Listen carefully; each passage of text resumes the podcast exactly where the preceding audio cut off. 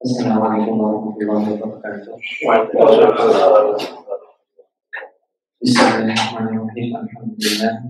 Alhamdulillah. Alhamdulillah. Sayyidina Muhammadin sallallahu alaihi wasallam wa ala alihi wa ashabihi wa ahli baitihi wa dzurriyyatihi wa ala jami'il muslimin wa muslimat amma ba'd. Bapak-bapak, ibu, kaum muslimin dan muslimat yang dirahmati Allah. Kita bersyukur kepada Allah di penghujung bulan Dzulhijjah yang masih dalam suasana ibadah haji dan juga sisa-sisa uh, kegiatan kurban kita dan berdoa mudah-mudahan apa yang telah dilakukan oleh para hujat diterima oleh Allah SWT kurban kita yang uh, telah kita persembahkan kepada Allah SWT pada pekan yang lalu diterima oleh Allah SWT.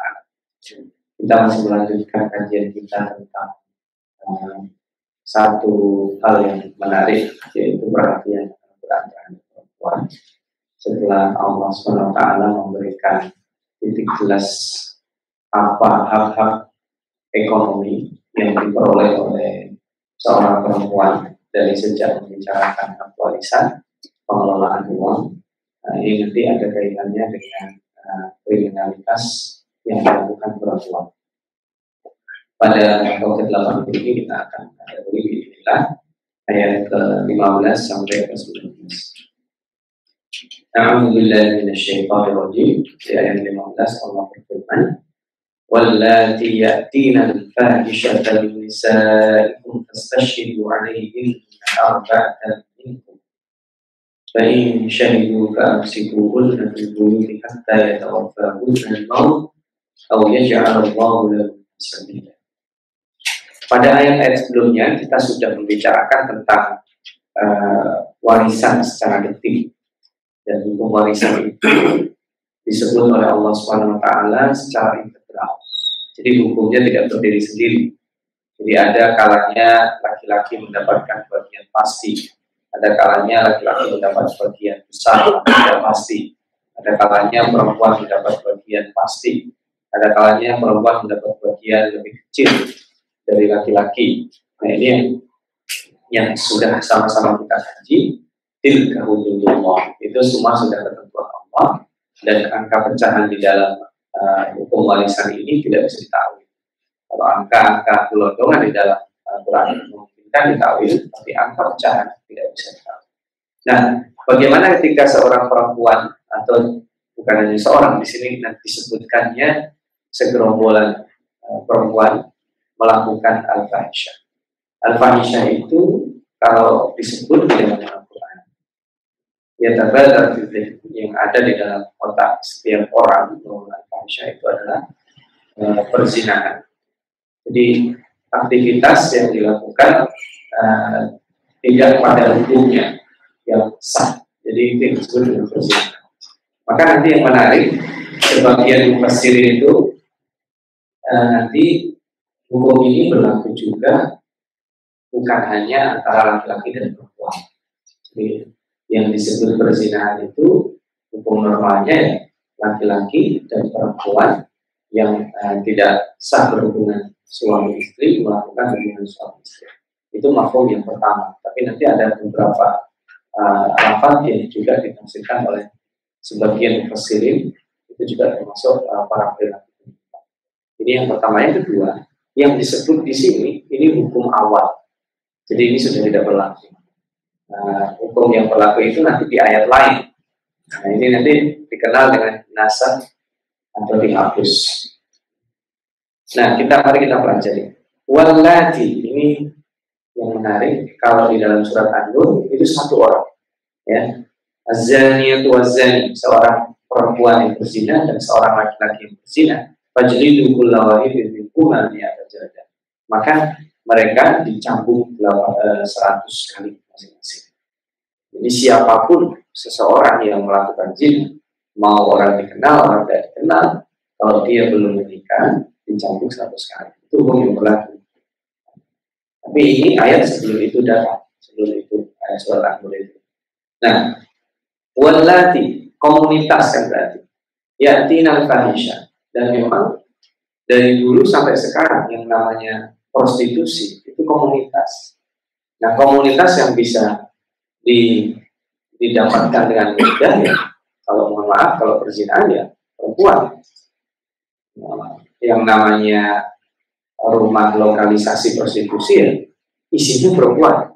Kalau sampai ada rumah lokalisasi tapi dalamnya laki-laki di situ itu musibah besar. Tapi belum pernah saya kira ya dengan ada rumah prostitusi tapi di dalamnya laki-laki yang sebagai uh. Jadi di sini ini juga menandakan dalam tanda kutip hukum alam bahwa walati yatina fahisha itu adalah uh, perempuan-perempuan yang bekerja. Ini ayat konteksnya ya, ini saya bicara konteks dulu. Yang bekerja sebagai berzina di satu komunitas itu makanya disebut walati yatina fahisha min nisaikum. Bahasanya itu lebih halus lagi.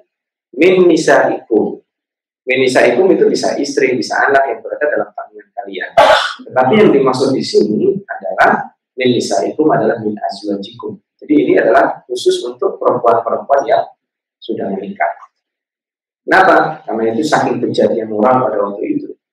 Sampai perempuan yang sudah menikah oleh suaminya juga dipekerjakan. Kalau human trafficking itu kan adalah uh, orang lain. Kalau ini istri-istri mereka itu dipekerjakan sebagai sambilan tambahan income-nya adalah disuruh berzina. Nah ada juga yang mau disuruh berzina, ada juga yang dari perempuan yang berzina. Ini luar biasa hukumnya yang sangat uh, meskipun sekarang bisa jadi ada. Nah, maka apa yang harus dilakukan? Pas tasyidu alaihinna arba'atan maka kalian ambil saksi empat orang bahwa perempuan-perempuan tadi itu atau istri kalian uh, berzina. Empat orang ini tetap berlaku ya nanti. Baik syahidu ketika mereka menyaksikan bahan sikuhun. Nah ini menandakan bahwa tidak ada uh, uh, tidak ada yang namanya persaksian kecuali langsung dan ini nanti berlaku. Kenapa untuk untuk kriminal zina itu ketat saksinya harus empat dan keempat empatnya harus melihat proses aktivitas zina secara langsung. Tidak boleh misalnya saya menyaksikan zina, kemudian melaporkan. Saksinya empat siapa? Ini teman saya, saya ceritain dia percaya kok. Udah bisa. Keempat empat orang itu harus menyaksikan. Nah, dihukum apa? Kata Allah di sini, fa'amsikuhunna fil buyut. Jadi di hukumnya adalah perempuan-perempuan yang berzina tadi itu mereka ditarik dari pergaulan sosial. Jadi ditaruh di rumah di satu tempat sampai mati. Kalau hukuman, hukuman kita penjara bukan seumur hidup sih. Kalau seumur hidup itu kan yang dimengerti itu adalah kalau seseorang melakukan e, melakukan kriminal usia 15 tahun seumur hidup ya dihukumnya 15 tahun. Itu seumur hidup. Tapi di penjara sampai mati. Ini hukuman awal. Jika ada seorang perempuan dia berzina maka hukumannya adalah di penjara sampai mati di rumah masing-masing sebenarnya nggak bukan penjara itu di penjara sampai mati di rumah masing-masing mah dia pulang ke rumahnya sendiri sampai mati kan tetapi dia diisolir secara sosial ini hukuman yang ringan awal, tapi nanti berat. Karena kalau orang sudah menikah, hukumannya adalah rajam sampai ya. Aunya ja'alallahu lahunna sabila. Nah ini, kata-kata ini yang memungkinkan nanti ada hukum lain. Allah memberi jalan kepada mereka hukuman lain. Karena hukuman lain itu nanti datang. Apa itu? Rajam. Jadi ayat-ayat yang menjelaskan tentang rajam dalam Al-Quran secara eksplisit tidak ada. Tetapi bahwa rajam itu sebagai hukum orang yang berzina sudah menikah atau zina muhson itu dilakukan. Kenapa? Karena ada seksual secara Meskipun nanti ada yang mengatakan ayat uh, hukuman zina muhson itu bunyinya dihapus tapi hukumnya dilaksanakan. Sebagian ada ulama yang berpendapat. Tapi ayat ini ini khusus menceritakan bagi orang-orang yang sudah menikah dan berzina. Menarik sekali. Ini yang dibahas perempuan. Di dalam ayat ini tidak dibahas bagaimana laki-laki yang berzina. Kita masih ditanyakan kan?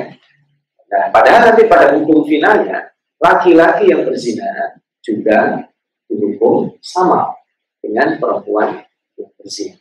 Kan nanti di dalam surat An-Nur itu jelas secara spesifik az-zaniyatu waz-zani.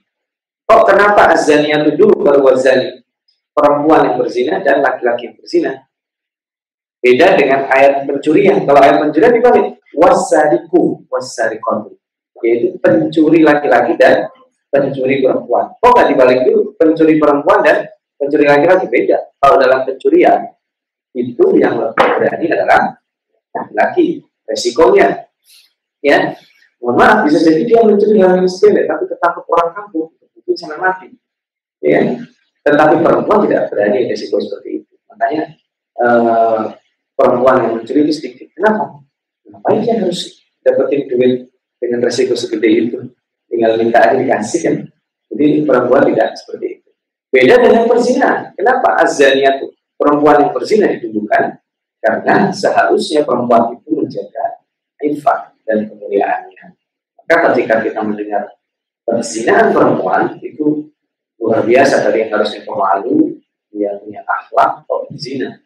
Itu kesannya buruk. Itu sampai berdua perzinahan yang tentara bisa dilihat kasat mata gitu makanya di sini disebut apa? Walati dan komunitas di sini apa itu artinya komunitas itu kalau bahasa kita modern ya uh, lokalisasi lokalisasi uh, prostitusi itu maka kalau ada seorang perempuan bekerja di situ bekerja dalam artian berzina ya dan ada saksinya empat orang hukumannya adalah hukuman penjara sampai mati atau nanti Allah menentukan hukuman lain.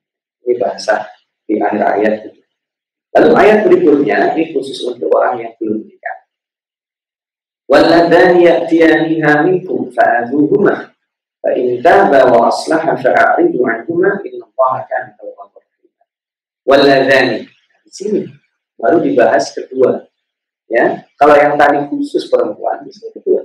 Kalau ada waladhani dua orang ya tianiha melakukan fahsyah berzina minkum di antara kalian fa'adzuhum maka dihukumnya adalah nah ini fa'adzuhum maka sakiti mereka kalau letterlocknya begitu nah diceritakan pada mufassirin yang disebut sakit itu mereka diikat kemudian dengan paling sendal binti al berhubungan binti al itu bahasa sejarahnya jadi mereka diikat eh, eh, di tempat umum kemudian dilempar eh, dengan uh, sendal. Gitu. Padahal nantinya bukan begitu kan hukumannya. Hukuman finalnya apa? Azaniyatu wazani fajlidu kulla wahidin huma di atas jalda dalam surat. Orang laki-laki dan perempuan yang berzina di sini perempuan yang tersebut maka nanti hukumannya adalah campur 100 kali dan nanti sebagai ulama mengatakan dengan diasingkan, kemudian dipisahkan selama satu tahun. Jadi uh, diasingkan selama satu tahun nggak boleh balik situ tempat masyarakat itu. Itu memberikan efek yang luar biasa. Satu, masyarakat tersebut biar melupakan kejadian perzinahan itu. Yang kedua, kalau mereka nanti setelah dihukum itu bertaubat bisa memulai dari nol. Jadi ini luar biasa. Ini nanti yang membicarakan tentang kriminal dan taubat. Jadi tidak membicarakan murni tentang uh, aksi kriminalnya saja. Nah, satu yang kedua, Kata-kata waladani, dua orang yang melakukan fahisha, itu juga memungkinkan untuk ditafsirkan. Meskipun sedikit, ya. di antara mufassirin ada yang menafsirkan waladani. Ketika, ini kan alif tajam untuk satu jenis. Kalau laki-laki berzina dengan laki-laki, itu disebutnya juga zina. Ya. Sekarang dikenal dengan LGBT itu, lesbian, gay. Nah itu, maka sama awalnya ini hukum awalnya mereka harus dipermalukan harus disakiti secara fisik dan psikisnya. Padahal nanti hukumannya lebih dahsyat. Kalau anda laki-laki berzina dengan laki-laki ya tidak sebagaimana dengan perempuan maka hukumannya lebih keras. Ya Rasulullah SAW maka bunuhlah orang yang melakukan itu. Baik yang kecuali memang dia dalam tanda kutip dipaksa, yang dipaksa tidak dinikmati. Tetapi ketika dilakukan dua-duanya secara sukarela, maka dua-duanya dihukum mati. Itu hukuman mati. Kalau zina kan hukuman mati berlangsung kapan? Ketika yang melakukan itu adalah sudah um, menikah, sudah pernah menikah. Meskipun dia kemudian faktanya kemudian tidak atau janda, tetapi selama dia sudah pernah menikah maka hukumannya adalah wajib. Kalau dia belum menikah, maka hukumnya adalah canggih. Tapi itu tidak ada di ayat ini. Ini ayat ayat pertama dari prosesnya. Nah, ini kita belajar yang menarik dari Al-Quran apa? Hukum-hukum Al-Quran itu ada yang langsung membicarakan hukum final. Tetapi tidak sedikit, terutama membicarakan kriminalitas, itu hukumnya berproses. Bapak bisa melihat dalam hukum pengharaman khamar, minuman keras ya, itu prosesnya panjang. Yas'alunaka 'anil khamri wal maisir, ya kan? Qul fihima ithmun kabir wa manafi'un. Di dalamnya ada ada dosa, ada apa pemudaratan, tetapi uh, juga terdapat manfaat. Jadi ada di disebut sisi negatifnya ada sisi positif. Lalu turun periode kedua tidak boleh uh, sholat dalam keadaan wajib suka Allah. Inilah takut sholat kawan pun juga jangan mabuk minimal kalau lagi pas sholat. Berarti kan kalau misalnya waktu subuhnya kayak tadi jam uh, kira-kira jam setengah lima kurang sedikit itu dari jam 4 jangan mabuk dulu. Jadi sudah ada di stop gitu. Kalau misalkan bulan jam 12, jam setengah 12 jangan mabuk dulu. Jadi ada masuk pre uh, waktu sholatnya itu sudah dia sudah seger. Baru pembinanya apa? Innamal khamru wal maisir wal azlam rinsun min amali syaitan Ini sudah final. Nah, kemudian kita lihat riba itu riba yang diharamkan Allah itu pertama disindir orang Yahudi itu dibenci Allah kenapa? Karena melakukan riba. Kedua kemudian apa? Bahwa riba itu tidak boleh kalau ada asam mubarakah. Ini jam 100 balik 200 itu tidak boleh. Tapi kalau jam 100 balik jadi 150 boleh. Itu awalnya.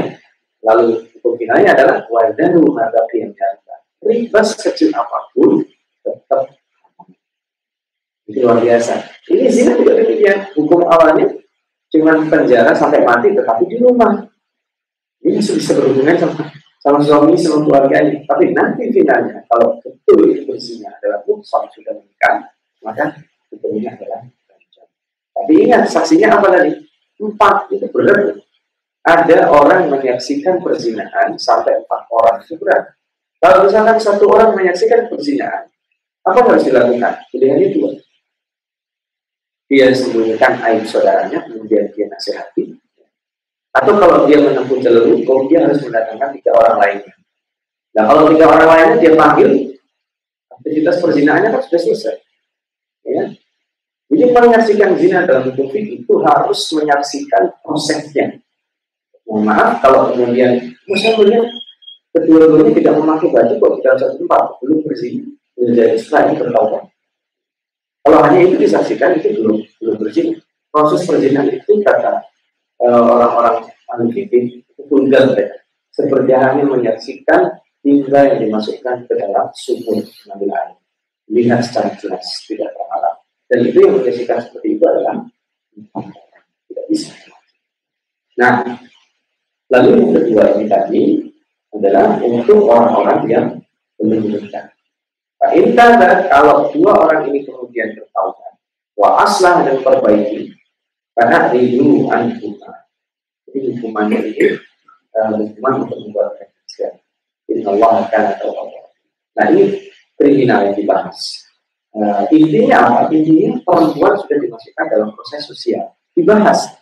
Dibahas itu menarik. Dari dibahas hak ekonomi, sekarang kalau membahas ada aktivitas yang menyimpang, itu maka dalam proses kita kehidupan sosial, perempuan juga dibahas dengan total. Jadi yang dibahas pendidikannya, oke. Okay. Tapi kalau mereka misalkan yang mengubah aurat, itu juga dibahas. Nah itulah tanda-tanda uh, kesehatan sosial itu ketika eh, laki-laki mau membahas juga tentang perempuan dan juga termasuk perempuan khususnya ibu-ibu mau perhatikan ketika punya anak perempuan. Maka nanti Rasulullah SAW dia bersabda, siapa punya anak tiga perempuan, kemudian dia memperbaiki pendidikan dengan baik ya. dan kemudian berhasil mereka sampai menjadi dewasa maka Allah SWT akan jadi itu salah sahabat kemudian mengatakan dia Rasul kalau punya anak dua gimana? Masuk surga gak? Jawab Rasulullah SAW mengatakan dia. Kemudian ada yang nanya lagi, kalau satu gimana? Rasulullah cuma dan istilahnya itu masuk surga. Jadi uh, ini yang menarik bahwa perempuan adalah unsur uh, penting dalam uh, keberadaan sosial. Nah sekarang bicara taubat. Innamat taubat, sesungguhnya taubat bagi Allah adalah lilladzina ya'maluna su'a bi jahalatin thumma yatubuna min qarib fa ulaika yatubu Allah 'alaihim wa kana Allah 'aliman hakima.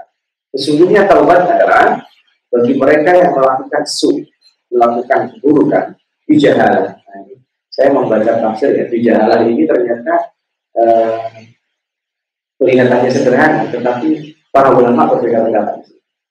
Bijahalah itu artinya dari kata-kata al-jahil. Al-jahil itu bukan bodoh artinya. Jadi kalau disebut dengan jahiliyah, sebenarnya bukan bodoh dalam arti yang tidak itu tidak. Jahiliyah itu adalah tidak, tidak melakukan sebagaimana mestinya peradaban. Jadi kalau ada orang tahu membuka aurat itu aib, dia melakukan itu disebut dengan.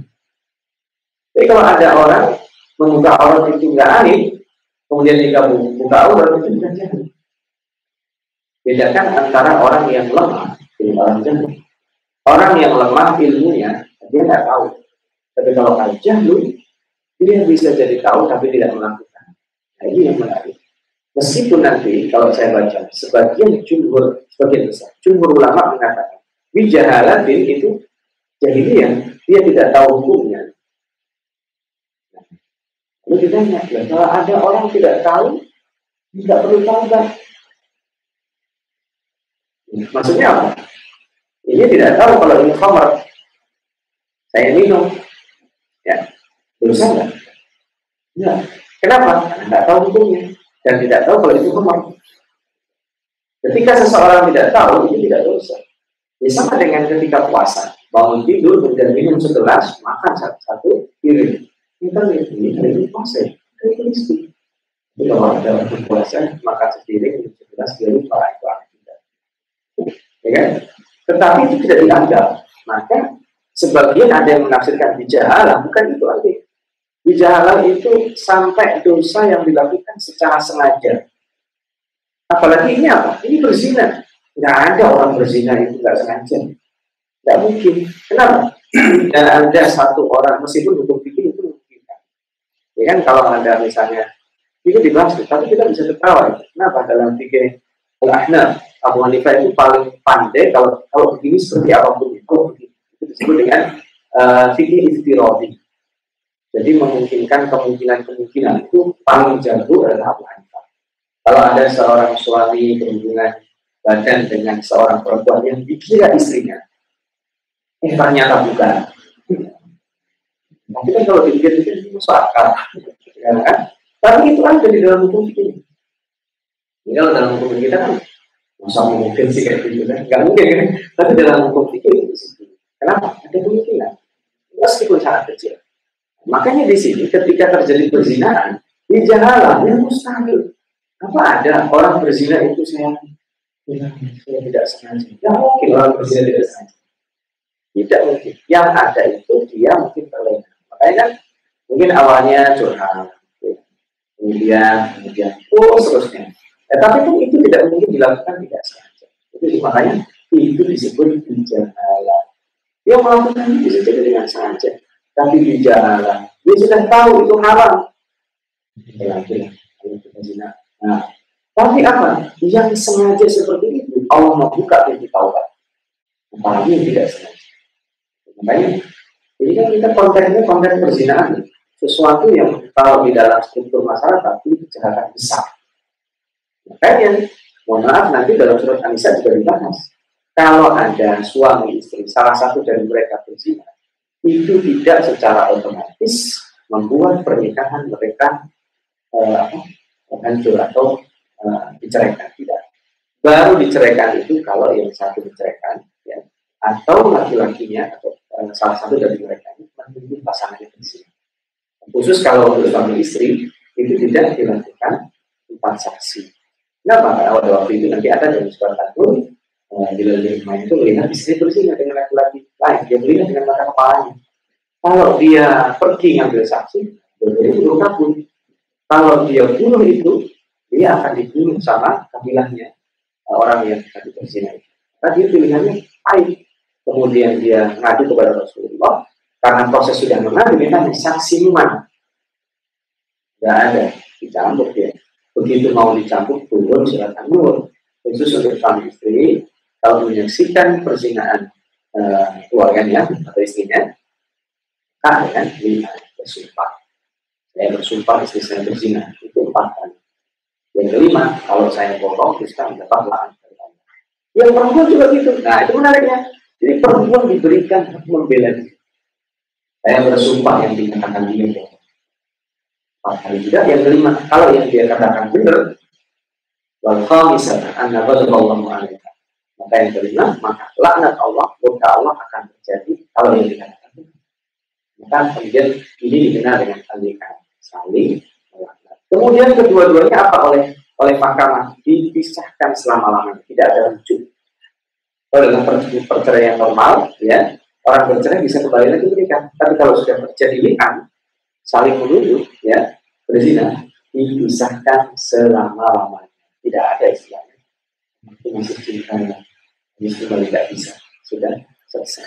Nah ini yang menarik sampai lebih dibahas dan perempuan itu dibahas. Itu yang sisi positif yang harus kita ambil bahwa uh, Al-Quran memperhatikan porsi besar. Nah, walau sakit taubat. Jadi taubat itu adalah orang yang melakukan bijahala. Terlepas dari tadi yang perdebatan bijahala itu uh, tidak sengaja. Kalau tidak sengaja, sebenarnya Allah memberikan porsi di akhir. Kalau Al-Fatih cenderung mufasir yang menafsirkan bijahala itu ya, dia pura-pura tidak tahu atau kemudian mengesampingkan dan itu disebut dengan jahiliyah kan gitu. Jadi jangan di di, uh, di otak kita jangan sampai mengatakan jahiliyah di zaman Rasulullah SAW itu orang yang bodoh. Alam. Mereka punya peradaban, tapi jahiliyah adalah ketika norma-norma diasingkan. Maka kemudian ada orang-orang mengatakan kita sekarang hidup di zaman jahiliyah. Padahal kok jahiliyah orang kita sudah sudah pada sampai titik kelima peradaban kan? Uh, seperti ini saya berbicara di sini bisa dinikmati di didengar atau dilihat di berbagai pelaku kita sudah peradaban tinggi. Tapi kemudian kenapa disebut jahiliyah karena hukum Allah dikesampingkan itu yang jahiliyah disebut itu maka saya tidak ingin perpanjang perdebatan ulama bicara di sini intinya ada dua uh, satu dianggap kesalahan tidak sengaja yang kedua kesalahan itu disengaja tetapi dia pura-pura atau misalnya khususnya kalau berhubungan dengan tema yang kita bahas itu berzina. Hilang yang disebut ada seorang berzina kemudian saya bilang bukan karena tidak sengaja karena dia kalah dengan kawan muslim itu yang disebut dengan bicara. Dia kalah dengan kawan muslim bukan karena tidak tahu zina itu jelek orang berzina orang berselingkuh orang melakukan kegiatan yang buruk itu tahu tetapi kemudian tapi kalau bertobat karena Allah di sini Lumayan tubuh dan kori secepatnya bertobat. Saya berzina sekarang tobatnya mungkin 10 tahun lagi. Nah, nggak bisa ya. Maka kemudian di sini dikatakan Allah apa di sini? Walisa min taubat. Taubat itu bukan lilladzina ya'maluna sayyi'at hatta idza hadara ahadakumul maut qala inni tubtu Taubat itu kan sakaratul maut tidak bisa. Atau yang kedua, walalladzina yamutuna wa hum kuffar ulangika a'tadna lahum 'adzaban alim atau orang yang mati dalam keadaan Nah, ini menandakan apa? Jika ada seseorang melakukan dosa-dosa besar, kemudian dia mati belum melakukan kebaikan, selama tidak kafir itu Allah mengangkat untuk mengampuni dosa. Ini terjadi seseorang itu, misalnya kita tahu ada seorang uh, preman, ada seorang yang pelaku kejahatan, ada seorang pezina meninggal dunia. Kita juga tidak boleh langsung mencaci maki. Ada masuk neraka. Tidak tahu kita apakah ada ada transaksi dia dengan Allah. Taubatnya kan kita tidak tahu. Maka Allah Subhanahu Wa Taala selama dia bertaubat itu urusan Allah kita tidak tahu. Dan taubat diterima atau tidak bukan urusan manusia. Itu urusannya dengan maka ada cerita tentang pembunuh yang seratus itu yang sangat terkenal. Itu kan sampai dia belum pernah melakukan kebaikan kan, kemudian meninggal di tengah jalan diperbutkan antara malaikat adab dan malaikat rahmat. Allah mendengahi, coba diukur uh, mana jaraknya lebih jauh dari tempat asal atau tempat yang dituju. Ternyata lebih dekat ke tempat yang dituju cuma beda satu jengkal. Jadi diserahkan Allah ini berbiarkan malaikat. Nah, jadi taubat itu sebenarnya suatu hal yang, yang luar biasa kita harus dilakukan. Nah, intinya selesai bahasa taubat, Allah memberi peluang taubat bagi perbuatan dosa sebesar apa pun. Ya ayyuhalladzina amanu la yahillu lakum an tarithu nisa'atal haq wa la ta'khudhuhunna litadhhabu bi ba'di ma illa yatina min fahishatin Ini membicarakan tentang uh, ada jahiliyah di zaman itu bahwa perempuan itu menjadi properti yang diwariskan. Kalau ada seorang laki-laki memiliki istri lebih dari satu, ketika dia meninggal maka istri yang kedua, ketiga dan seterusnya menjadi warisan bagi anak-anak laki-laki dari istri pertama. Bisa dinikahi, bisa dinikahi tanpa akad, bisa dinikahi tanpa mahal, sesukanya. Dan itu disebut dengan antara itu bisa karena itu sesuatu yang tidak nyaman. Sebenarnya kasihan perempuan, kan perempuan dianggap setengah manusia, bahkan bukan manusia. Kenapa? Jadi properti, nah, jadi sekarang terjadi ada itu jadi berpikir kan berarti properti juga. Maka di sini dilarang atau wala dulu jangan dipersoalkan. Ini dulu kalau ada seorang perempuan atau misalkan tadi yang saya sebut yang seorang laki-laki itu istri kedua tidak boleh nikah kecuali dia nebus. Silakan ada menikah dengan laki-laki lain tapi beri satu, satu juta. Baru boleh nikah. Kalau tidak punya uang untuk tebusan tidak boleh. Nah, atau anak-anak misalnya anak-anak perempuan tadi itu ya, yang kita bicarakan kemarin anak-anak yatim dia menikah keluar dari pengasuhnya maka boleh tapi harta harta anak yatim itu tinggalkan di sini. Nah itu proses mempersulit pernikahan yang dilakukan di zaman jahiliyah itu disebut oleh Allah SWT. Walan tak tiba lima itu muhur.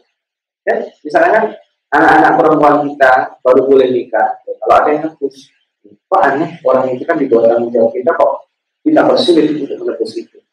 Itu terjadi nggak sekarang? Ya? boleh kamu nikahin anak saya tapi bayar dong 40 M kan berarti kan jualan ya kan ya, maharnya seperangkat angkat alat sholat maharnya betul tapi serahannya yang diwajibkan kepada calon suaminya suami anaknya jadi itu kita bersembunyi di balik pura-pura kesederhanaan makanya ketika ada orang Arab menanyakan enak sekali ya di Indonesia ya nikah maharnya seperangkat alat sholat. Sebentar itu seperangkat alat sholat itu formalitas. Faktanya tidak seperti itu. Faktanya yang terjadi secara sosial, baik adat istiadat ataupun sepakatan materialistik sekarang, bahwa mahar tertulis gitu, tapi uang serangannya itu tidak dianggap mahar. Padahal sebenarnya uang serangan itu ya mahar juga. Kenapa? Dipakai ya. Meskipun meskipun nih yang disebut mahar itu hak prerogatif perempuan untuk uh, mengampar-amparkan uang Nah ini kok kemudian uang tersebut diminta lagi, kan parah. Misalnya begini juga uh, dia sudah mencerai istrinya. Kamu boleh menikah sama laki-laki lain, tapi balikin ya nafkah yang saya beri. Apa ada kalau sudah cerai? Ini kasus yang terjadi. Jadi ini nggak boleh perempuan ketika sudah bercerai dan idahnya sudah selesai, tidak ada hubungannya lagi sama sama laki-laki. Dia mau menikah sama laki-laki lain itu bukan urusan Anda. Kembali lagi dengan Anda, ya lakukan dengan baik. Tapi bahwa kemudian kamu boleh menikah dengan laki-laki lain. Tapi balikin sejak pernikahan sampai sekarang itu. Kalau dihitung semua, nanti dia juga bisa menghitung. Maka di sini tidak boleh melakukan itu.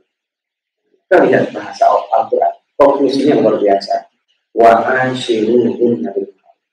Kecuali mereka melakukan perzinahan, baru boleh kita usir bahasanya gitu perempuan atau istri naudzubillah min tidak terjadi pasangan hidup kita berzina itu baru kita berhak untuk marah dan bisa diceraikan. Maka luar biasa di sini.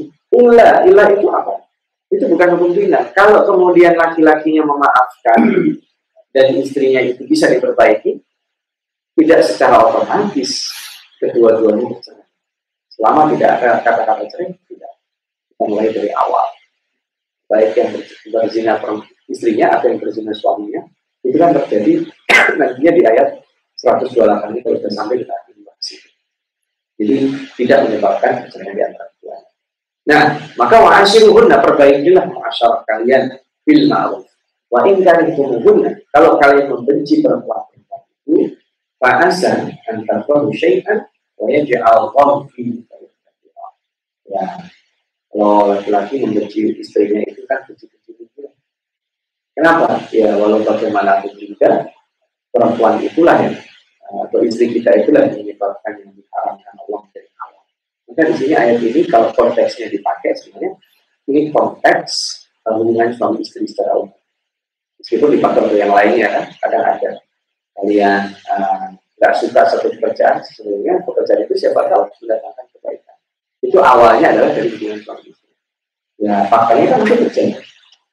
Terutama hebat.